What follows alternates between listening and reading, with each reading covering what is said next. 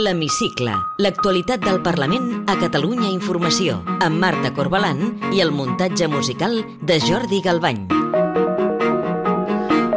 final a les polèmiques llicències per edat, les conegudes com a jubilacions daurades del Parlament. Després de tot el rebombori, aquesta setmana la mesa de la cambra ha decidit eliminar directament la norma interna que des del 2008 permetia als funcionaris del Parlament cobrar el sou sense treballar uns anys abans de jubilar-se. Avui entrevistem el portaveu adjunt de Junts per Catalunya, Josep Rius. Benvinguts a l'Hemicicle. A proposta de la presidenta del Parlament, Laura Borràs, la mesa ha decidit tirar pel dret i acabar amb aquest privilegi sense negociar-ho abans amb els treballadors. De retruc, però, la polèmica per les llicències d'edat ha obert una guerra entre els lletrats del Parlament que han airejat en públic les seves diferències. Però aquest no és l'únic tema calent que té ara mateix sobre la taula la presidenta Borràs. La Junta Electoral Central li ha donat cinc dies perquè retiri l'escó al diputat de la CUP, Pau Jubillar, i si no ho fa, l'adverteix que hi haurà conseqüències jurídiques. Esquerra, Junts i la CUP defensen que se li blindi l'escó mentre no sigui ferma la sentència que el va condemnar sis mesos d'inhabilitació per no despenjar uns llaços grocs. Jubillar està disposat a arribar fins on calgui per guanyar el cas. No permetrem la ingerència que suposa a la sobirania del Parlament l'intent d'inhabilitar-me, vulnerant les institucions catalanes, la separació de poders, els drets de diputats del Parlament i, en definitiva, la sobirania del poble català. De moment, el mateix Jubillar i el Parlament han presentat un recurs al Tribunal Suprem contra l'ordre de la Junta Electoral. Aquest mateix tribunal jutjarà al març la diputada de la CUP, Eulàlia Reguant, per un delicte de desobediència greu a l'autoritat per haver-se negat a respondre les preguntes de Vox en el judici per l'1 d'octubre. Els Jocs Olímpics d'hivern del 2030 també han protagonitzat la setmana parlamentària. Han obert un nou distanciament entre el president de la Generalitat, Pere Aragonès, i els socis amb qui el govern practica la geometria variable. La CUP i els comuns han rebutjat de ple la candidatura olímpica. Sentim la cap de files d'en Comú Podem, Jessica Albiach, Dolors Sabater de la CUP Guanyem i la resposta del president. Si volen més inversions, Jocs Olímpics o res. Si volen millors infraestructures i més transport públic, Jocs Olímpics o res. I això té un nom i es diu xantatge. La pregunta que li faig és com és que vostès estan defensant aquests Jocs Olímpics al Pirineu? Ho fan per fer content a l'estat espanyol? Se n'han dit moltes coses de la candidatura als Jocs Olímpics oberts de 2030, però el que és cert és que si el territori no ho vol, no hi haurà jocs. Aragonès també ha rebut crítiques de Ciutadans, però en aquest cas perquè el diputat Carlos Carrizosa vol que Catalunya comparteixi el lideratge de la candidatura olímpica amb l'Aragó. El president de la Generalitat insisteix que és una candidatura catalana i limita la col·laboració a l'àmbit tècnic. Ustedes lanzan un mensaje de soberbia del nacionalismo de desprecio al resto de les comunitats autònomes. S'està treballant en una proposta de caràcter tècnic en el qual doncs, es visualitzen eh, quins són els possibles espais on realitzar les proves. La sessió de control al president també ha servit aquesta setmana per intentar donar una empemta a la resolució del conflicte polític entre Catalunya i l'estat espanyol. Aragonès ha fet una crida a la unitat de l'independentisme per enfortir-se davant l'estat i forçar-lo a seure's a negociar l'amnistia i l'autodeterminació. Portaré a terme doncs, una sèrie de reunions amb aquelles forces polítiques que van donar suport a la meva investidura, que compartim doncs, formar part del moviment independentista, també amb les entitats, per rearmar l'independentisme per apostar clarament per l'exercici del dret a l'autodeterminació i l'amnistia i per mobilitzar al màxim el país i tots els seus representants. Els socis de govern d'Aragonès aplaudeixen que el president vulgui preparar alternatives per si la negociació amb l'executiu espanyol fracassa. Albert Batet és el cap de files de Junts per Catalunya. Des de Junts per Catalunya hi estem plenament d'acord. Per això compartim amb vostè aquesta necessitat de començar a construir aquestes alternatives envers la taula del diàleg una taula que no és ni de diàleg i menys de negociació.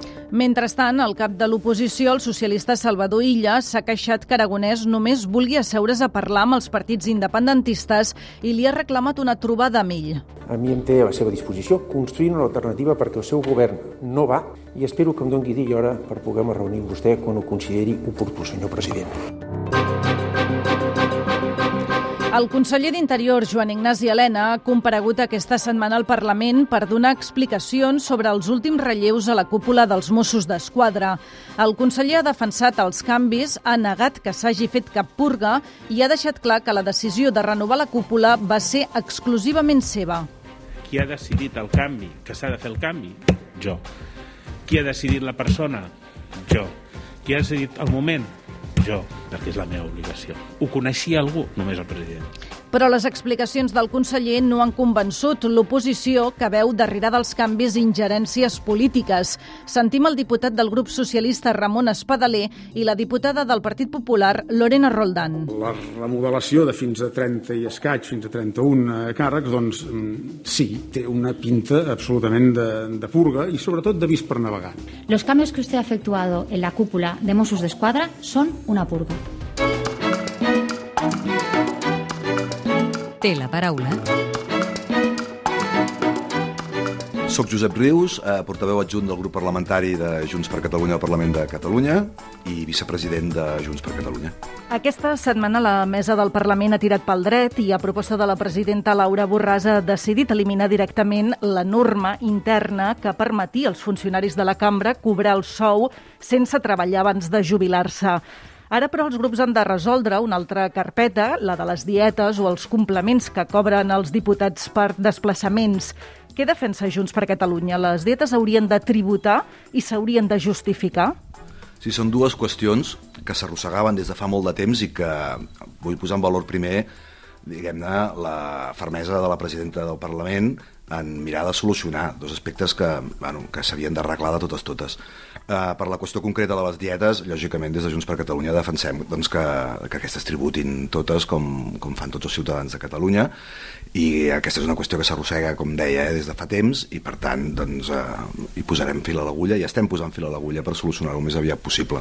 L'altra gran qüestió, podem dir-ho així, de la setmana són els Jocs Olímpics d'hivern. La CUP, teòricament els socis de legislatura del govern i també els comuns s'hi oposen rotundament a aquest projecte. Creu que això pot repercutir d'alguna manera en les relacions del govern amb aquests dos grups? No, esperem que no, perquè el govern doncs, té una posició ferma amb això d'aquí, eh, aposta per fer uns Jocs Olímpics sempre que el Pirineu, que és en aquest cas eh, on se celebrarien, eh, doncs hi estigui d'acord. Ha endegat un procés participatiu i eh, que ha de començar a treballar i, lògicament, el que decideixi eh, el Pirineu doncs, serà el que s'haurà d'acabar fent. Com ha de ser la col·laboració amb el govern de l'Aragó?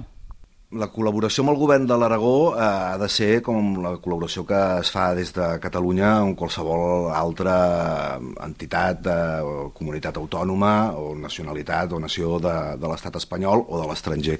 En el cas concret dels Pirineus, nosaltres apostem per uns Jocs Olímpics que siguin Barcelona-Pirineus.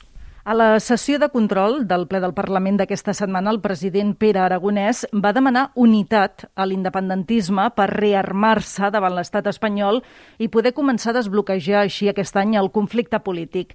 Quines alternatives proposa Junts per Catalunya en cas que fracassi l'anomenada taula de diàleg o de negociació? Bueno, aquesta taula de diàleg i de negociació ara és una taula de silenci i és una taula, a més, silenciadora perquè és silenciadora també del que l'independentisme des de fa anys, i sobretot a l'octubre del 17, va aconseguir dur a terme.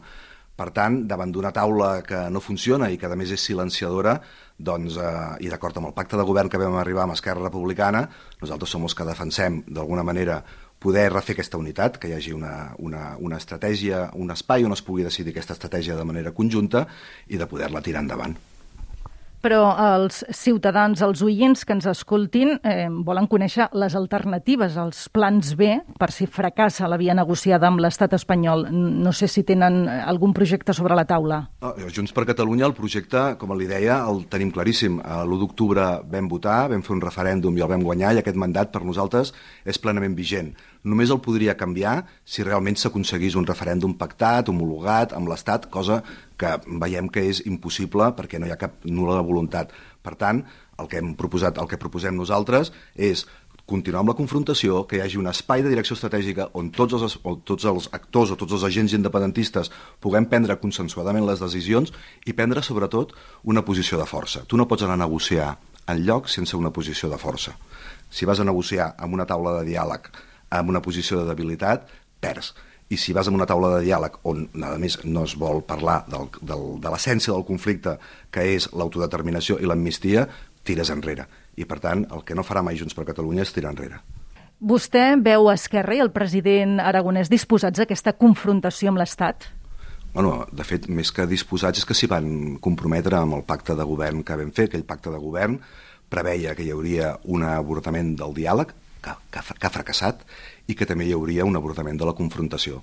Jo considero que ara hi ha un desequilibri i per, tal, i per tant cal un gir i és urgent.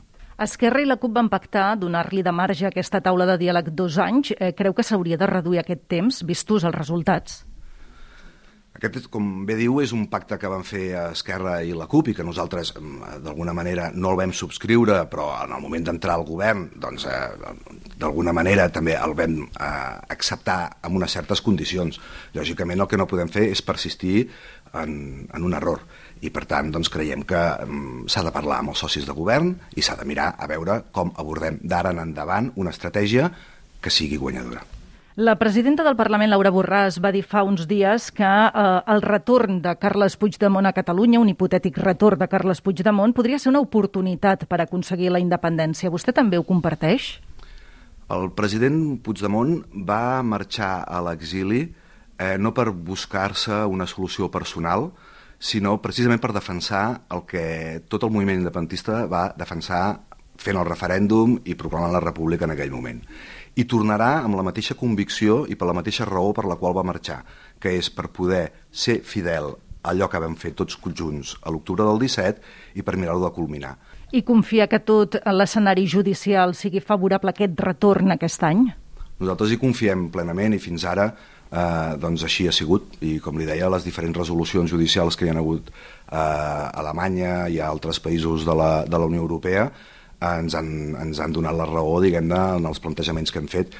El mateix eh, eh, quan el president Puigdemont va aconseguir l'acte de diputat en contra de tot un estat que s'hi oposava eh, va ser un altre element de victòria. I per tant, doncs, sí, sí, creiem que és totalment factible. I nosaltres persistirem amb això. Si li sembla bé, ens endinsem ara en el terreny més personal. Li demano si pot contestar amb respostes ara al màxim de breu possibles.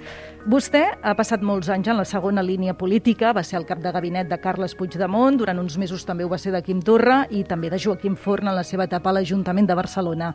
Per què va decidir fer el salt a la primera línia? Per una raó molt senzilla, perquè l'estat espanyol eh, es va carregar dues generacions de polítics eh, amb sentències i amb, i amb inhabilitacions. Com definiria Carles Puigdemont en una o dues paraules? Noble i persistent. I com definiria Pere Aragonès? Doncs un president preparat. Digui'm ara els dos adjectius que millor el defineixen a vostè. Jugador fidel d'equip i, i persistent. Quin llibre té la tauleta de nit, si en té algun? Doncs sí, tinc un llibre que precisament em va regalar el Quim Font pel meu aniversari ara fa uns dies, que és A Peirogon, de Colum McCann. Amb quin diputat o diputada que no sigui del seu grup compartiria una sobretaula distesa? Amb l'Alicia Romero ha sigut un descobriment i estem mantenint una bona relació i la trobo una persona preparada i afable. Té algun paisatge favorit? Sí, la Serra del Cadí, la Cerdanya. Sap cuinar? Sí. I si ens convidés a casa seva, què ens prepararia? Un arròs de muntanya. Recorda què volia ser de petit?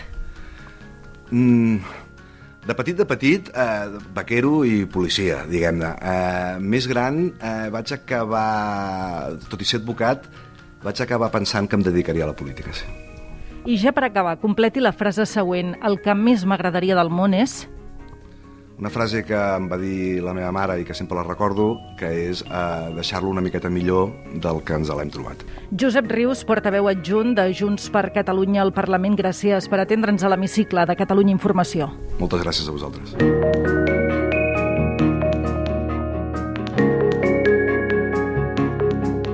Podeu tornar a escoltar l'hemicicle al web catradio.cat barra hemicicle o al podcast del programa i seguir l'actualitat del Parlament al perfil de Twitter arroba L-hemicicle.